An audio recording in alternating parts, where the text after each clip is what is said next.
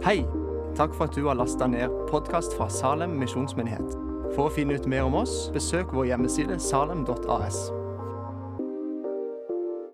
Da ber vi for Geir. Takker deg for han, og takk for den gaven du har gitt han, og takk for den innsikt i ditt ord. Herre, nå ber vi at han skal kjenne seg frimodig, trygg og fri, og kan dele det du har lagt på hans hjerte. I Jesu navn. Amen. Amen. Takk skal du ha, Geir.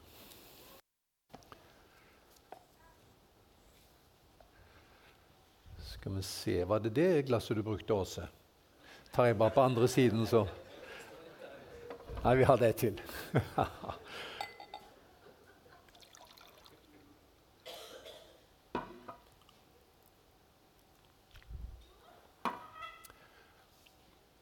God formiddag. Fint å se dere alle sammen. Fortsatt nyter vi deilig sommervær. Og eh, jammen er det en svalende bris i møte her i dag òg. Flott fellessang. Takk til Finni og eh, Anton. Og til dere kvartetten. Det er en rikdom å tilhøre Salem med så mange flotte sangkrefter. Så vi takker Gud for dere. Nå skal vi dele Guds ord med hverandre, og eh, vi er kommet antagelig til den siste talen i en lang taleserie som vi har hatt om eh, leddene i trosbekjennelsen. Med utgangspunkt i trosbekjennelsen har vi sett på tekster som utdyper den. Og I dag så er vi kommet til eh, den eh, delen av trosbekjennelsen som sier jeg tror på legemets oppstandelse og det evige liv. Vi skal lese en eh, tekst som taler nettopp om det. Vi går da til Johannes' åpenbaring, kapittel 21. Og så leser vi fra vers 1 i Jesu navn. Og jeg så en ny himmel og en ny jord. For den første himmel og den første jord var borte, og havet fantes ikke mer. Og jeg så den hellige byen, det nye Jerusalem, stige ned fra himmelen, fra Gud, gjort i stand og pyntet som en brud for sin brudgom. Og jeg hørte fra tronen en høy røst som sa:" Se, Guds bolig er hos menneskene. Han skal bo hos dem, og de skal være hans folk og Gud selv skal være hos dem. Han skal være deres Gud. Han skal tørke bort hver tåre fra deres øyne. Og døden skal ikke være mer, heller ikke sorg eller skrik eller smerte. For det som en gang var, er borte. Han som sitter på tronen, sa, Se, jeg gjør alle ting nye. Og han la til, Skriv det ned, for dette er troverdige og sanne ord. Så sa han til meg, 'Det er skjedd. Jeg er alfa og omega, begynnelsen og enden.' 'Jeg vil gi den tørste å drikke av kilden med livets vann som gave.' Amen. Herre, takk for ordet ditt. Takk for håpet. Takk for troen på legemets oppstandelse og det evige liv. Tal til oss også gjennom dette tekstavsnittet i formiddag. Amen. Ja, Det skal altså handle om det kristne håpet i formiddag. Og Overskriften over det jeg skal si, er hentet fra teksten her Se, jeg gjør alle ting nye. Og Jeg skal tale om eh, fire ting som han gjør nye. Du skal få punktene med en gang, så, så har du noen knagger senere. For det første skal jeg si du skal bli åndelig og moralsk ny. For det andre kroppen din skal bli ny. For det tredje jorden skal bli ny. Og for det fjerde og det siste relasjonen din til Gud skal bli ny. Se, jeg gjør alle ting nye. Og her har du fire knagger. Men før vi går inn i detaljene i teksten, la meg si to ting generelt om det kristne håpet. For det første så trenger vi håp. Alle mennesker er avhengig av håp for å kunne leve. Jeg leste om en uh, ubåt, kanskje var den russisk. I alle fall så hadde den havarert på havets bunn. Og så er det da redningsmannskap som kommer ned til den ubåten. Mannskapet lever enda, og så hører man de sende ut morsesignaler ved å banke med en hammer eller noe mot skroget på eh, den ubåten. Og de var lette å tyde. Budskapet fra mannskapet innesperret i ubåten var er det håp. Vi trenger håp for å leve. Og faktisk talt det er nesten ikke grenser for hva du kan gjennomleve av vanskelige ting hvis du vet at det skal ta slutt. Hvis du vet at det er lys i tunnelen, hvis du vet at det, der er et håp, da kan du tåle veldig mye i nåtiden. La oss ta et eksempel. La oss si at du har et veldig vanskelig liv akkurat nå. Eh, kanskje har du en krevende arbeidsplass. Du har dårlig lønn, vanskelige kolleger, og det er ikke så greit der du bor. Det, det er et, en sliten leilighet eller et slitent hus. På alle måter livet er vanskelig. Så får du vite at eh, til jul skal du få 1500 kroner. Så hva vil det bety for deg? 1500 kroner til jul. Jeg ser det på dere alle sammen. Det betyr ikke så mye fra alle til. 1500 kroner til jul gjør ikke så mye med meg her nå på denne junidagen. Men hva hvis du får høre til jul skal du få 150 millioner kroner? Smak litt på den. Jeg vet ikke riktig hvordan jeg skal lese uttrykkene der i dag heller. Må jeg gå litt høyere, kanskje? Men poenget er at antagelig vil for de fleste av dere hverdagen i dag bli litt lettere å håndtere hvis du vet at det der framme så blir det faktisk en lysning. Når eh, Johannes skriver Johannes' åpenbaring, så skriver han til en kristen menighet som er i ferd med å gå inn i en vanskelig tid kristendomsforfølgelse, trengselstid, er i ferd med å rulle over eh, disse unge kristne menighetene. Noen kommer til å bli brent på bål.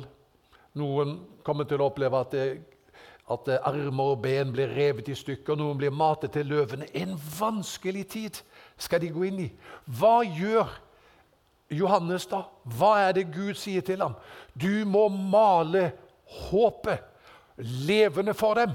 Sånn at de forstår at dette er bare midlertidig. De skal gå igjennom noe nå som er krevende, men det er en lysning på andre siden. Og det håpet som de tok imot, det gjorde at de kunne leve gjennom eh, kristendomsforfølgelsene på en måte som gjorde at eh, kristendommen og menighetene ble ikke utradert i Romerriket, men vokste som aldri før. De fikk næring av håpet til å leve gjennom vanskelige tider. Og kunne de få næring av håpet til det de gikk igjennom, så tenker jeg sånn er det for oss også. Så det er det ene. At vi trenger håpet for å leve gjennom vanskelige dager. For det andre så er det også sånn at håpet det eh, gir eh, næring til heltemodig innsats. Noen tenker som så at eh, hvis vi blir for opptatt av himmelen og, og den nye himmel og den nye jord, så blir vi vel ikke brukende til noe godt her på jorda. Altså, Vi er så himmelvendt at, det, at vi er liksom Hva kan man bruke en som er så himmelvendt til? Men sannheten er at den som er bærer av det kristne håpet, går inn i verden med en entusiasme og en kjærlighet og en kraft som de som ikke har et eh, tilsvarende håp, ikke gjør. La meg prøve meg på en illustrasjon igjen. da. Eh, la oss tenke oss at eh, eh, det er noen Du og noen venner er et, i et fly. Og så skal dere kanskje øve dere på fallskjermhopping. Jeg vet ikke hvor realistisk det er, men la oss tenke oss det. Og så er det en venn av deg som faller ut av flyet før han har fått på seg fallskjermen. Så eh, kameraten din eh, har heller ikke fått på seg fallskjermen. Hva gjør han? Han hopper jo ikke etter. For eh, hva gagn er det at eh, to dør i stedet for én? Men du har fått på deg fallskjermen. Hva gjør du? Uten å tenke deg om. I samme sekund så er det en refleksbevegelse og du hopper etter denne karen som nå er på full fart ned mot eh, bakken uh, uten fallskjerm. Men du har fallskjermen på. Jeg vet ikke om dette, dette er et tenkt tilfelle, men kanskje lar det seg gjøre. Du krøker deg sammen, og som en prosjektil farer du gjennom luften. Og du faller fortere enn ham, og du grabber tak i ham. Uh, og løser du ut fallskjermen, og så lander dere trygt begge to. Hva gjør at du kan agere på en annen måte enn han som ikke hadde fallskjerm? Jo, for du har håp. Du tenker som så det skal gå godt til slutt. Vi skal lande trygt. Vi skal komme ned på beina. Hvis jeg får tak i ham, for jeg har fallskjerm. Og så tenker jeg at eh, Når vi ser i kirkehistorien, så ser vi kristne mennesker. Når det er pest, når det er eh, andre typer sykdom som er som en farsott, når de andre stakk av, så var de kristne der. Og pleide de syke, pleide de som hadde det vanskelig, med fare for sitt eget liv. Hva var grunnen til eh, deres kjærlighet, der de var villige enda til å ofre sitt eget liv? Jo, de var bærer av et håp. De levde ikke bare innenfor rammene av dette livet, men var bærere av et håp som gjorde at de kunne agere med kjærlighet her og nå. Så her er to momenter på hvordan det kristne håpet har en uh, veldig stor innflytelse på livet som vi lever i dag. Så skal vi gå til uh, teksten, og så skal du få de fire tingene. For det første så uh, kan vi her i dette avsnittet se at du skal bli åndelig og moralsk ny. Det står i vers 2. Og se, jeg så den hellige byen, det nye Jerusalem, stige ned fra himmelen, fra Gud, gjort i stand og pyntet som en brud for sin brudgom. Hva er den nye byen, eh, hva er den hellige byen, det nye Jerusalem? Ja, Det er et bilde på Guds folk, som stiger ned fra himmelen, gjort i stand og pyntet som en brud for sin brudgom. Et vakkert bilde.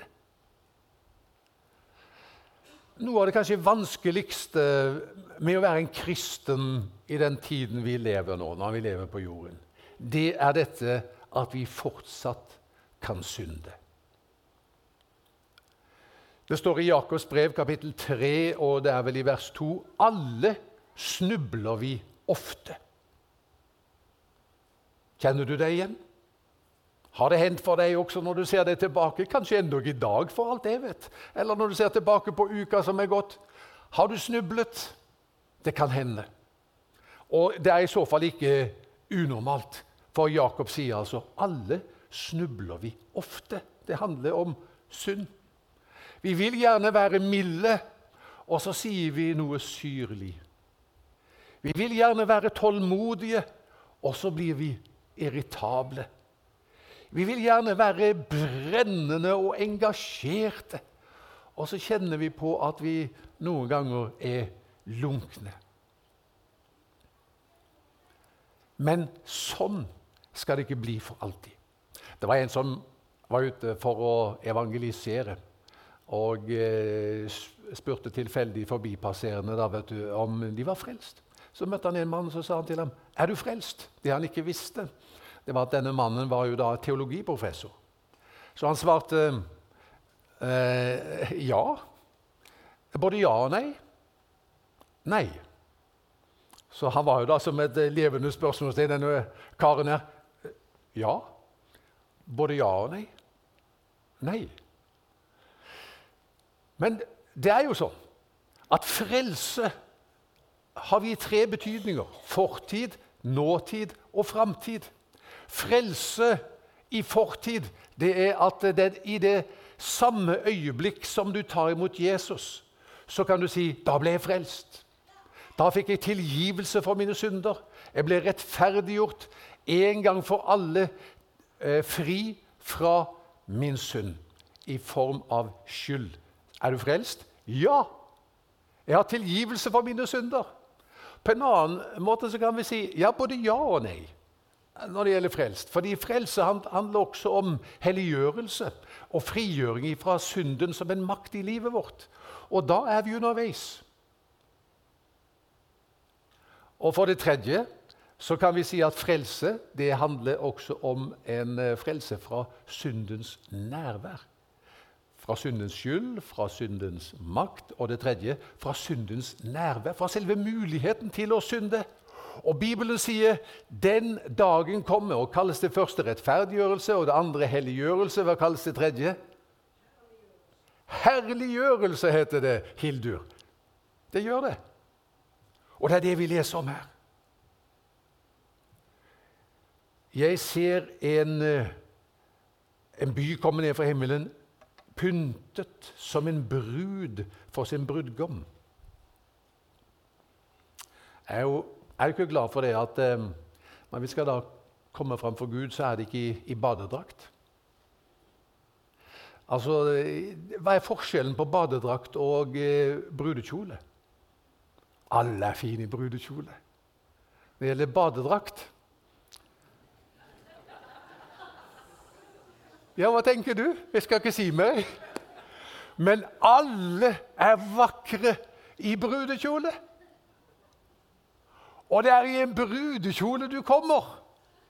Og det er hva Jesus har vunnet for oss. Og nå skal du se hvor fullkomment det er. Det er jo fascinerende hvis vi leser i kapittel 21 og vers 9, eh, så sier en engel, 'Kom, jeg skal vise deg bruden, lammets hustru.' Vers 10. I ånden førte han meg opp på et stort og høyt fjell og viste meg den hellige byen Jerusalem. Den kom ned fra himmelen fra Gud. Det er Guds folk det snakkes om. Så står det Byen hadde Guds herlighet og strålte som den kosteligste edelsten, som krystallklar jaspis. Det skal sies om deg en dag. Du har Guds herlighet og stråle som den kosteligste edelsten. Nå har jeg ikke mye greie på diamanter. Men jeg vet jo at eh, verdien på en diamant er avhengig av inneslutninger og eh, urenheter i, i steinen. Og er, jeg tror det er faktisk, jeg leste litt om det, da, jeg har gjort hjemmelekser med. Det er seks nivåer. liksom.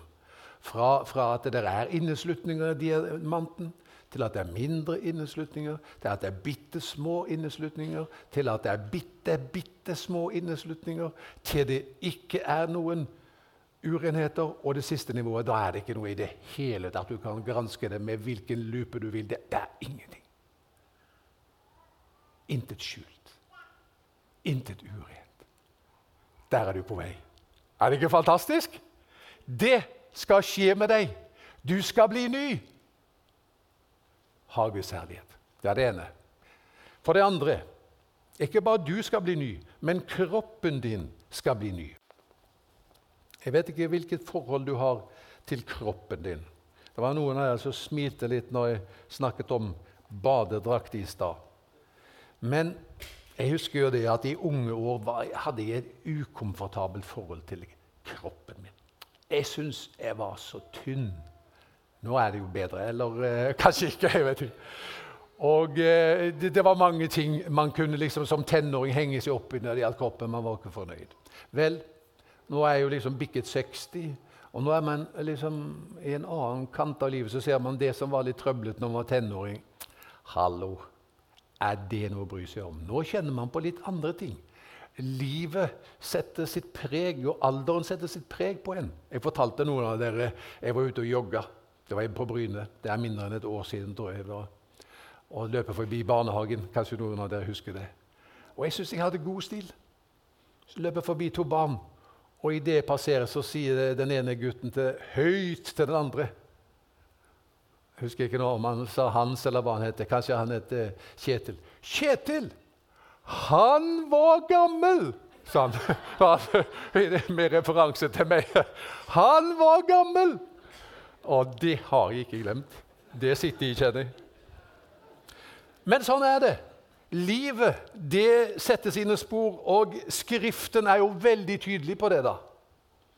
Og ikke noe sted i verdenslitteraturen, tror jeg, at aldring er beskrevet så poetisk og kanskje så vakkert også, som i Forkynneren 12. Hør. Tenk på din skaper i ungdommens dager. Før de onde dagene kommer, før årene kommer da du må si 'Jeg har ingen glede av dem'. Før sol og dagslys, måne og stjerner blir mørke. Vi trenger jo lys, enten det er på um, Nå kommenterer jeg dette, så nå er det ikke det jeg leser, men nå er det en kommentar. Eh, for hva betyr det sol og dagslys, måne og stjerner blir mørke? Vi trenger jo lys på dagen og egentlig lys på natten òg for å kunne arbeide. Så her er det liksom tale om da at eh, at eh, arbeidsdagen eh, er redusert. Og så står det 'skyene vender tilbake etter regnet'. Ja, Det er jo sånn i ungdommen at sky eller regnskur og solskinn det, det, det, forandrer seg fort. Det er som været i Haugesund, hvor jeg kommer fra. Der sier man sånn hvis ikke du liker været i Haugesund, så bare vent litt. Så, så, så ordner det seg for, for, det veksler mellom sol og regn. Men når du blir eldre, står det her skyene vender tilbake etter regnet. Det betyr at den ene sorgen avløser den andre lite grann. Hm. Ok, står det videre. Da skjelver tjenerne i huset. Hva er det? Det er armene. Da skjelver de. De sterke mennene blir krokete. Hva er det? Det er beina. Kvinnene som maler på kvernen, må stanse, for de er blitt så få. Hva er det, da? Det er tennene. Det mørkner for jentene som ser ut gjennom gluggene. Ja, det er øynene. Begge dørene mot gaten blir stengt, og duren fra kvernen lyder dempet. Begge dørene mot gaten blir stengt. Ja, det er jo hørselen. Du har registrert det?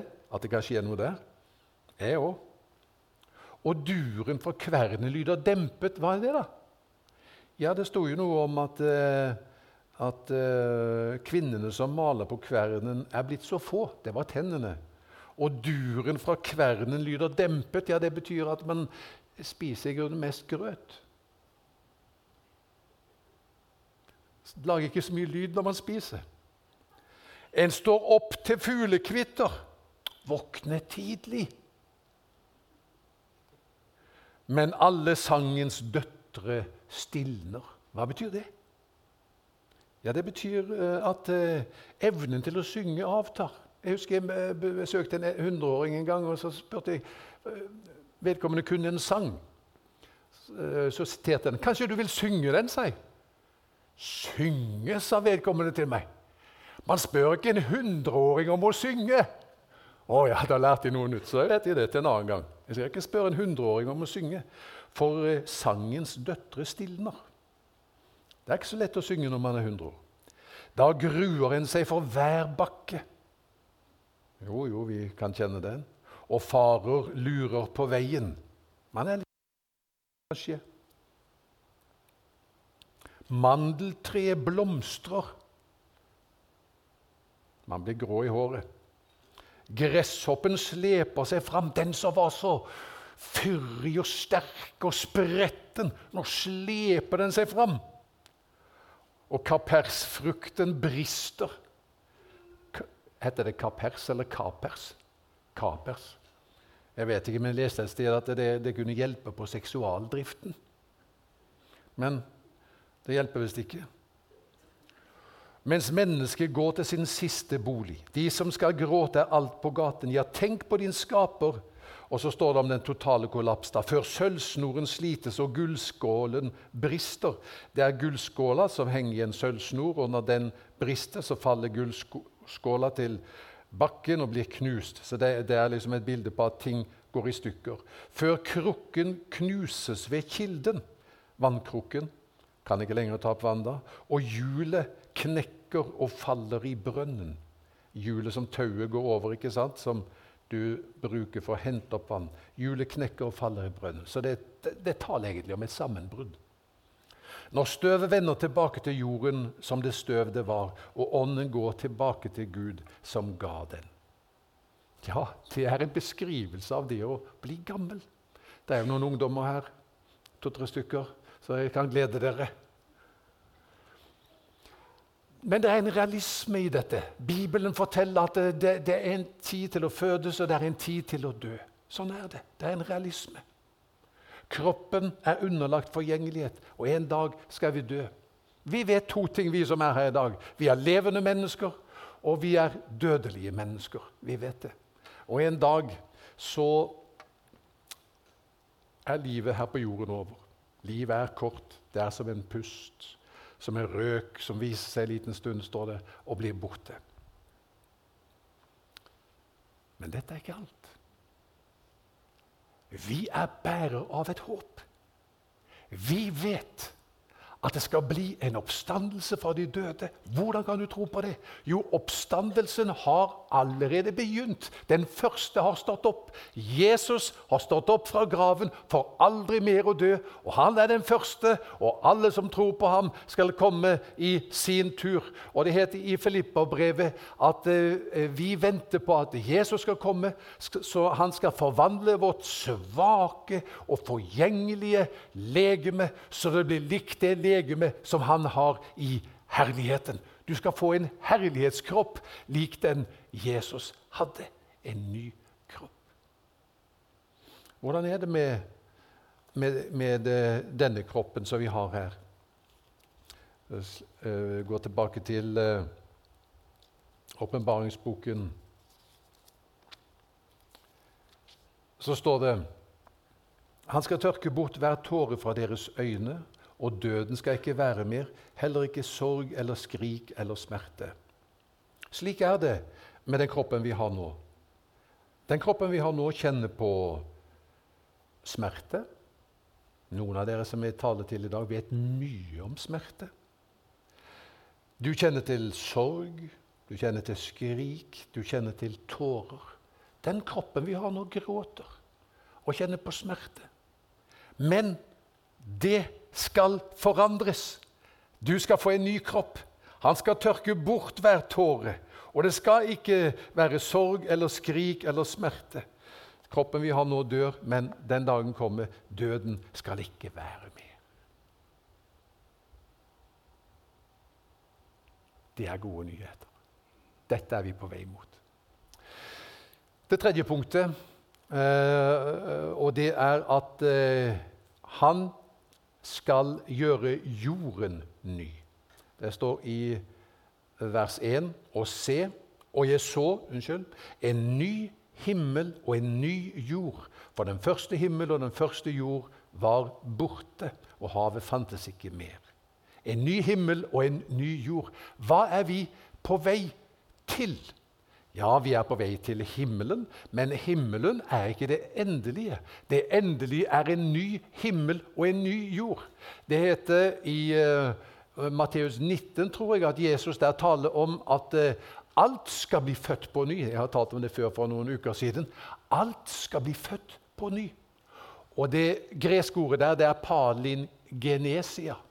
Og det er et fascinerende ord. Palin betyr igjen og genesia ja, Noen av dere kjenner det engelske ordet for første Mosebok.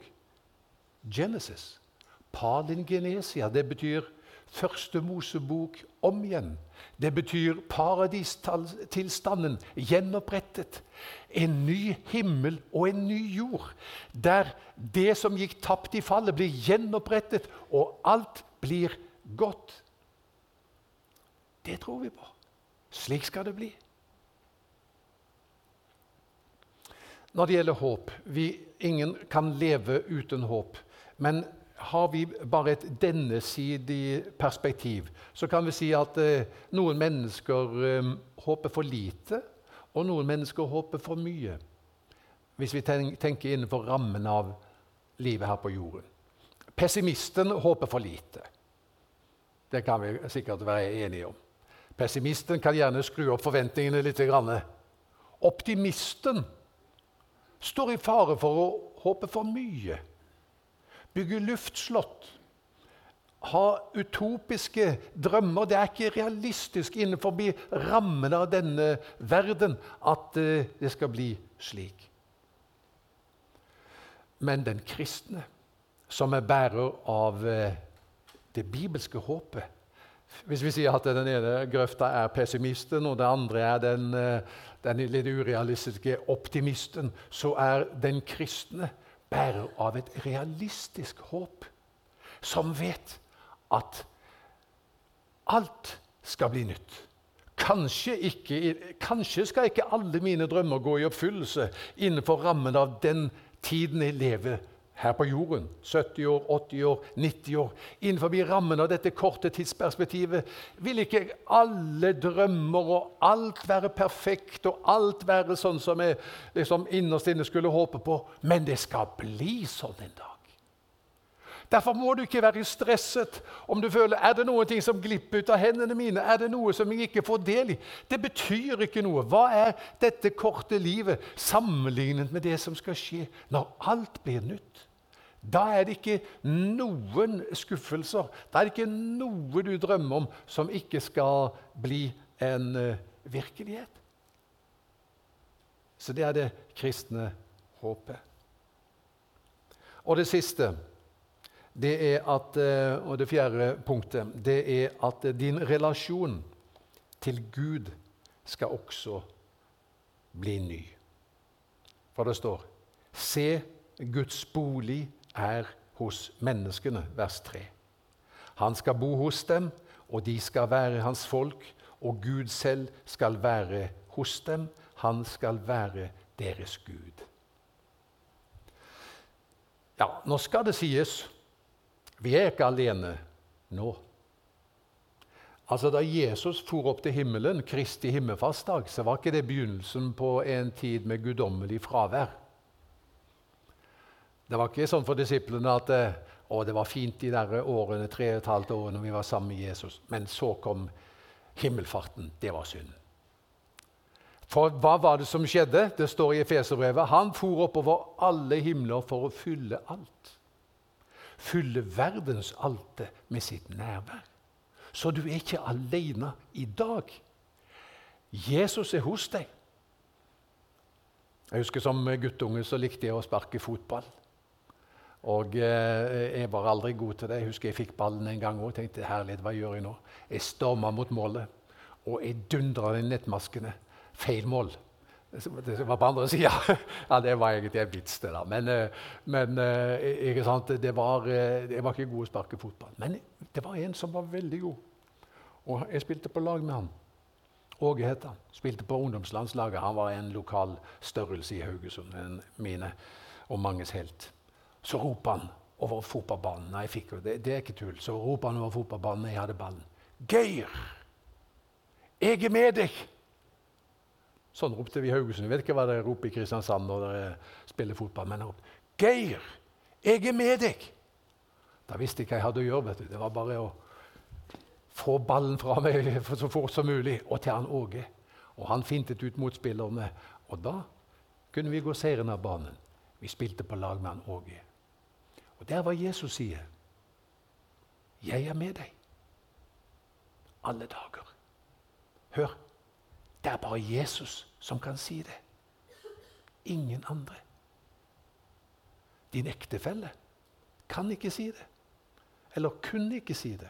Han og hun skulle ønske hun kunne si det. 'Jeg er med deg alle dager.' Kunne ikke si det. Kan ikke si det. Men det er en som kan si det. 'Jeg er med deg alle dager'. Jeg er med deg. Du er ikke alene. Så det er helt sikkert at, at, når vi er her på jorden, så er Jesus hos oss. Vi er et tempel for Den hellige ånd. Han er her iblant oss. Og likevel så sier Paulus i 2. Korinterbrev, eh, kapittel 4, tror jeg det er, og vers 5 og 6, så sier han Derfor er vi alltid ved godt mot.